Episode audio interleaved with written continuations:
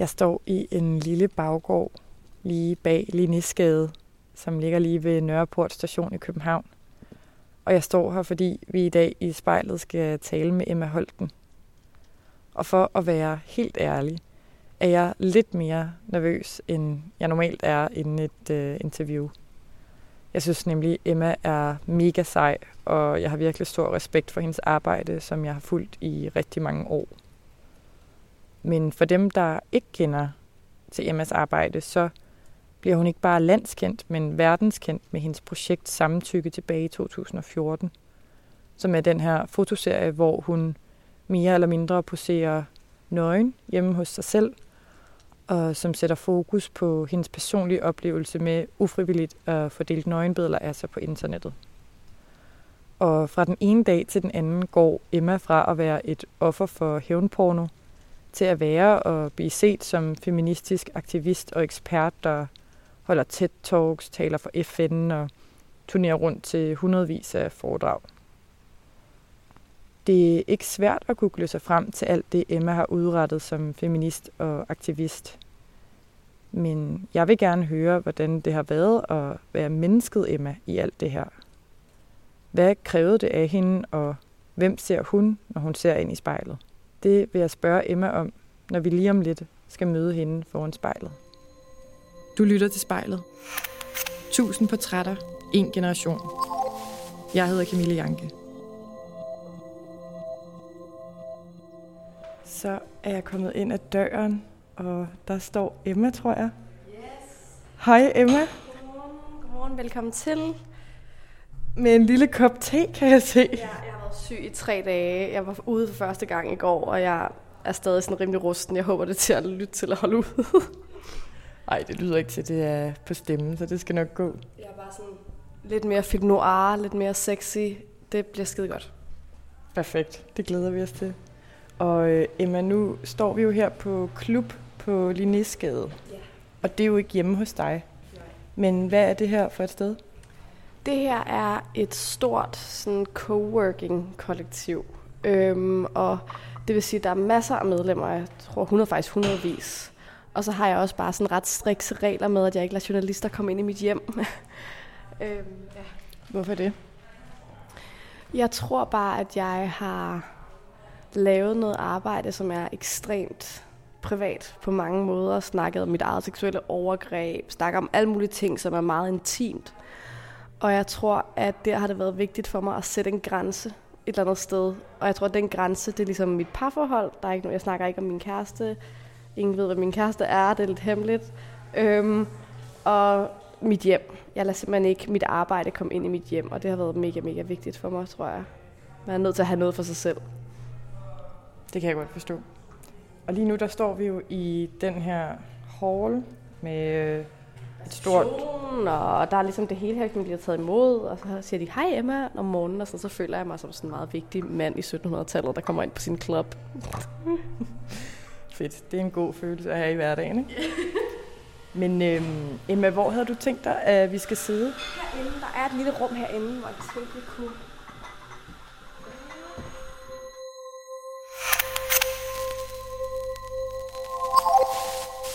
Jeg hedder Emma, og jeg er feminist. Så sidder vi her på den her... Ja, hvad vil du kalde det? Hvad er det, vi sidder på? Jeg tror, jeg tror at det mest sikre er bare at sige, at det er en daybed. Det tror jeg er ligesom det korrekt, helt korrekte i vores generation at sige. Ja, vi sidder på den her læder daybed, begge to uden sko på. Og så har jeg hævet en lænestol frem foran Emma og øh, sat et spejl op, som der normalt ikke er her. Som øh, hun jo så kan se sig selv ind i. Og hvordan føles det, Emma, at sidde her? Jamen altså, jeg kan huske min gamle fysiklærer i 7. klasse eller sådan noget. Han sagde engang til mig sådan, eller til os i klassen, I kender jo mit ansigt meget bedre, end jeg kender mit eget ansigt. I ser på mig meget mere, end jeg selv gør. Og det har jeg aldrig nogensinde glemt. Det der med, at man føler virkelig, jamen jeg er jo den, der kender mit ansigt allerbedst. Men det er man jo overhovedet ikke. Ens bedste venner kender ens ansigt meget bedre, end man selv gør. Og ser ens ansigt i sådan nogle udtryk, som man ikke selv gør. For eksempel så ser jeg jo ikke mig selv tale. Øhm, så lige nu så sådan, har jeg ikke så meget lyst til at kigge på mig selv, må jeg sige. Ikke fordi jeg synes, at jeg ser grim ud, men fordi jeg føler, at jeg ser mig selv i en situation, jeg ikke plejer at se mig selv i. Men øhm, Emma, nu øh, tager du lige et tebrev ud, yes. men du må gerne øh, lige starte med at lande her.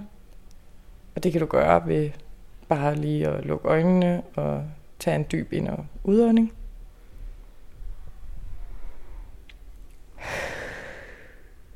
Jeg øh, kommer til at stille nogle personlige og nogle nærgående spørgsmål for at komme helt tæt på dig og din historie. Så du skal vide, at alle følelser er 100% tilladte, og at du kan være helt ærlig her. Emma, når du kigger ind i spejlet, hvad ser du så?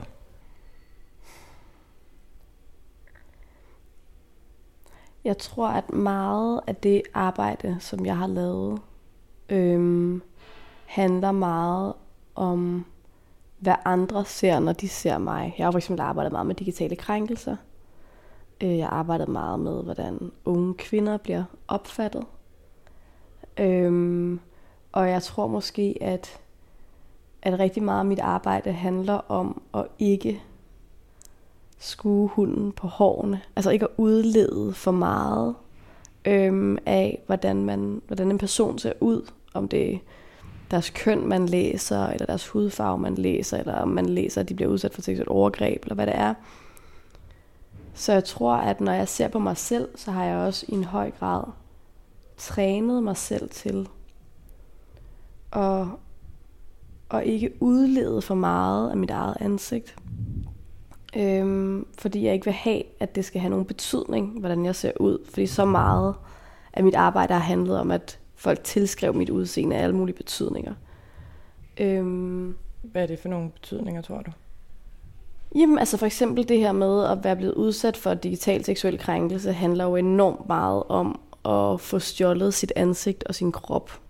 Øhm, jeg blev fik delt nogle øh, nøgenbilleder mod min vilje øh, i 2011. Og det gør ligesom, at i en meget stor del af mit liv, der blev mit ansigt og min krop ligesom brugt imod mig. Og det får mig til at, at føle, at mit ansigt har haft alle mulige betydninger for alle mulige mennesker. At jeg var ulækker, at jeg var klam, at alt muligt, øhm, som har gjort det svært for mig at tilskrive mit ansigt en ny betydning. Kan du også være lidt mere beskrivende, Emma? Altså for dem, der ikke lige har et billede af dig på nethinden. Ja, det tror jeg måske godt, jeg kan. Altså beskrive mit eget ansigt. Okay, det er jo en ekstremt svær opgave. Spørg en eller anden fra Kunstakademiet. Øhm, jamen, altså, jeg er en hvid kvinde øhm, på 30 år. For nylig spurgte en person mig, om jeg havde studenterkort, så jeg ser måske lidt yngre ud end 30 år. Jeg har tre huller i det ene øre og to i det andet. Jeg har langt løst hår, som er sat op i en knold, som alt for damerne engang kaldte Emma Holtens ikoniske knold. Det gør jeg, altså jeg, synes, jeg kan ikke se, jeg tænker på det hver gang jeg laver knold, og nu synes jeg, det er lidt pinligt, men...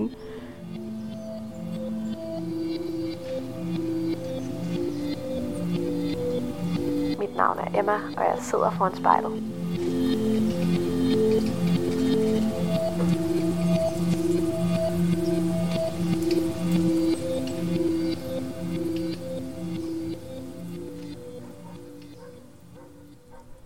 Jeg vil gerne bede dig om lige her til en start og øh, tage os de her 10 år tilbage. Du var lige lidt inde på det før. Men for et år 10 siden, der skete der noget ret skældsættende og livscentrende for dig. Hvad var det, der skete? Ja, det var en meget stor og lille ting på en gang. Øhm, men nogle personer, som jeg ikke ved, om var personer eller personer, fik adgang til min e-mail – og på den e-mail, der lå der nogle nøgenbilleder, jeg havde sendt til en kæreste. Og ja, jeg, var 19, jeg tror, jeg var 19 eller 20, da det skete. Måske, ja, jeg tror måske, jeg var lige 20. Og de nøgenbilleder blev så delt på internettet mod min vilje, øh, sammen med en masse identificerende information om mig. Øh, min adresse, mit telefonnummer, øh, adressen på mine forældre, hvor jeg arbejdede, hvor jeg gik i skole, øh, hele min Facebook-venneliste og, og andre ting. øh, med en opfordring til at chikanere mig. Øhm, og jeg ved ikke, øh, hvem der gjorde det. Øhm, og jeg tror, at jeg bliver tit spurgt, øhm, hvad følte du, da det skete, og sådan noget.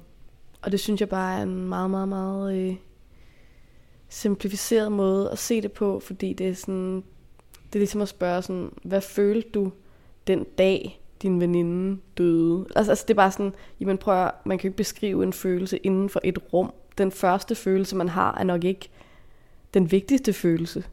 Lad mig så spørge anderledes, end hvad du følte den dag. Den kommende tid efter det her, hvad var så de tanker, der fyldte for dig? Jeg tror, at jeg følte, at jeg havde tabt kontrollen over mit liv fuldstændig. Øhm, jeg tror, jeg følte, at alle de ting, som jeg gerne ville have, der skulle ske, jeg skulle finde en sød kæreste, at jeg skulle få et job, jeg var glad for, at jeg skulle blive færdig med min uddannelse, øhm, at jeg skulle have et socialt liv, jeg var glad for. Øh, alle de ting føltes pludselig fuldstændig uden for rækkevidde. Øhm, fordi jeg følte, at alle de ting var baseret på, at andre mennesker respekterede en. Og når andre mennesker ikke respekterer en, hvordan kan man så få et godt liv? Hvordan så du på dit spejlbillede dengang? Øh, jeg havde slet ikke lyst til at kigge mig i spejle. Altså, og det er ret sjovt, fordi at jeg, jeg har hørt fra mange ofre, at mange af dem tager spejlen i deres hjem ned. Øhm, og sådan havde jeg det også meget. Jeg følte virkelig, at sådan min, mit ansigt, og i særdeleshed min krop, var blevet, var årsagen til, at det, det var sket. Øhm, øjeblik. Øhm, og jeg følte, at det at have en krop var en gigantisk byrde. Og det at have et ansigt var en gigantisk byrde. Og at hvis jeg havde... Hvis ikke jeg havde været så selvoptaget, som jeg havde følt jeg på det tidspunkt, jeg havde været, og taget de billeder, og, synes jeg, og tilladt mig at synes, jeg så pæn ud, så var det her aldrig sket. Så jeg følte mig også på en måde straffet for at kunne lide mig selv. Og det fik mig til at føle, at, at man løste det her ved at hade sig selv. Og havde, hvordan man selv så ud. Og tale ned om sig selv. Fordi så kunne de ikke straffe en. Så i 2014, hvad er det, der sker der? Der har jeg gået og spekuleret på længe, hvor træt jeg er af at skamme mig over det, der er sket. Og at jeg føler, at en stor del af skammen øh, opstår, fordi jeg holder det hemmeligt, at det er sket. Og det er meget svært at holde det hemmeligt, fordi det er det første, der kommer ud på Google, når man søger på mig, så det er sådan, det er sådan en dårlig hemmelighed, ikke? øhm, og det får mig til at kontakte en fantastisk fotograf, som jeg, vi også havde arbejdet sammen i Friktion på det tidspunkt, der hedder Cecilie Bøtker. Og så fortæller jeg Cecilie, hvad der er sket for mig, og siger ligesom, prøv at jeg er blevet udsat for det her chikane, jeg har, har en idé til noget, vi kan lave sammen. Og så fortæller jeg hende så, at ideen er, at vi tager nye nøgenbilleder af mig og uploader dem på internettet med mit samtykke. Og Cecilie tager så nogle fantastiske billeder af mig, øhm, som virkelig fanger, hvad det er, jeg gerne vil sige. Og hvordan er det, de ser ud, hvis du kan være sådan lidt mere beskrivende for folk? Ja, altså Samtykkeprojektet er et forsøg på at tage et billede af en ung kvinde, som hun ser sig selv, i stedet for som andre mennesker ser hende. Og derfor så er det mig, der sidder på min seng, det er mig, der er i gang med at tage jeans på, det er mig, der børster tænder. Det er ligesom inspireret af, af klassisk feministisk aktivisme, altså rødstrømperne og øh, anden bølge feministerne i USA. Og, sådan, altså. og man kan sige, det er dig, der står, ja, som du selv siger, tage jeans på, børster tænder, øh, tage noget creme på, alle de her hverdagsting, men på en måde, som vi måske ikke helt er vant til at se, fordi hvad er det ellers, der også sker i, på de her billeder? Jamen altså, jeg tror, at det der sker, det er, at vi er jo vant til at se nøgne kvinder hele tiden. Øhm, det fylder enormt meget. Det fylder i vores underholdningsindustri, det fylder i vores reklameindustri, det fylder i vores i øh, pornoindustrien, som jeg jo uforvarende blev en del af, og jeg tror bare, at jeg havde lyst til at sige, at der findes altså også nøgne kvinder, som bare sådan børster tænder. Altså hvor det ikke har noget med sex at gøre. Øhm, og at vi havde lyst til, Cecilia og jeg, at udfordre seeren af billederne til at sige, at du er overhovedet i stand til at afseksualisere nogle kvinder. Altså er det muligt for dig at se på en unge kvinde med bare bryster og tænke, der står en helt almindelig person og børster tænder.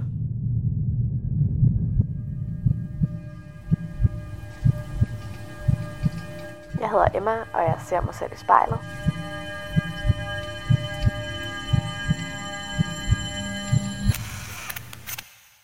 Krævede det ikke vildt meget af dig at bruge dig selv så personligt?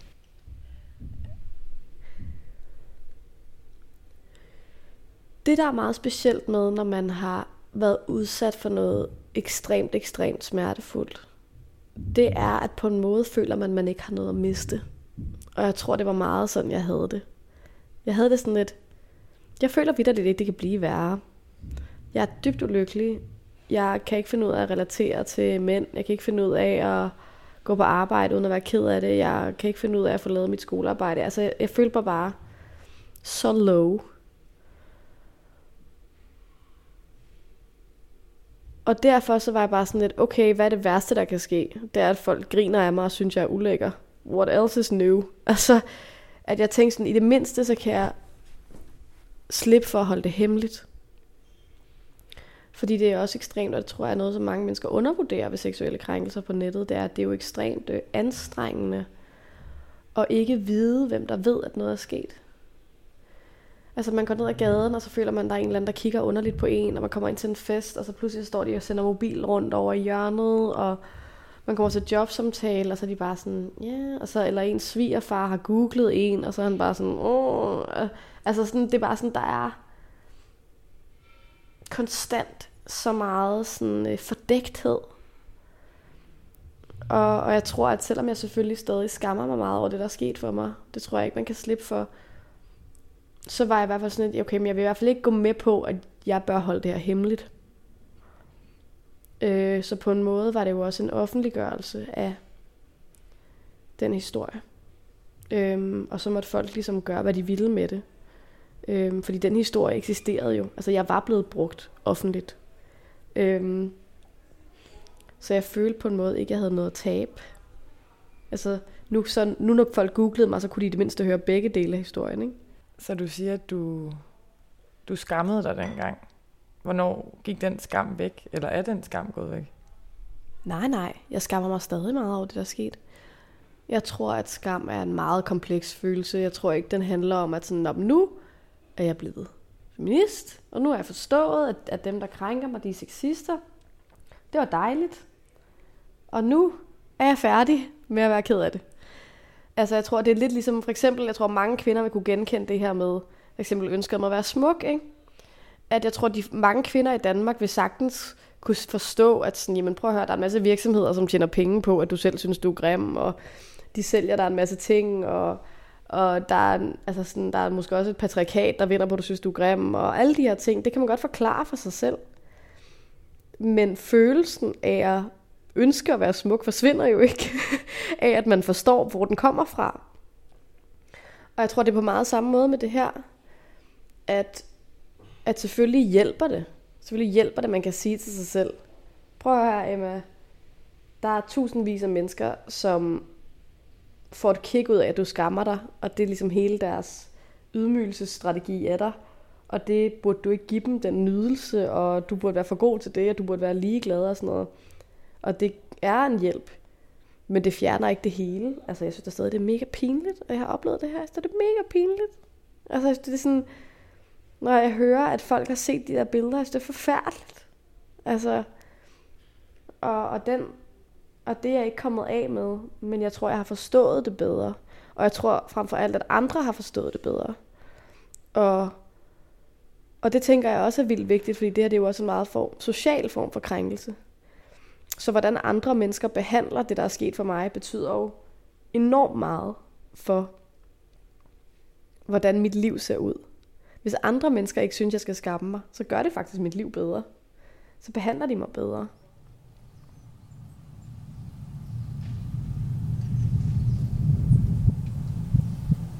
Mit navn er Emma, og jeg vil gerne ses som et helt menneske.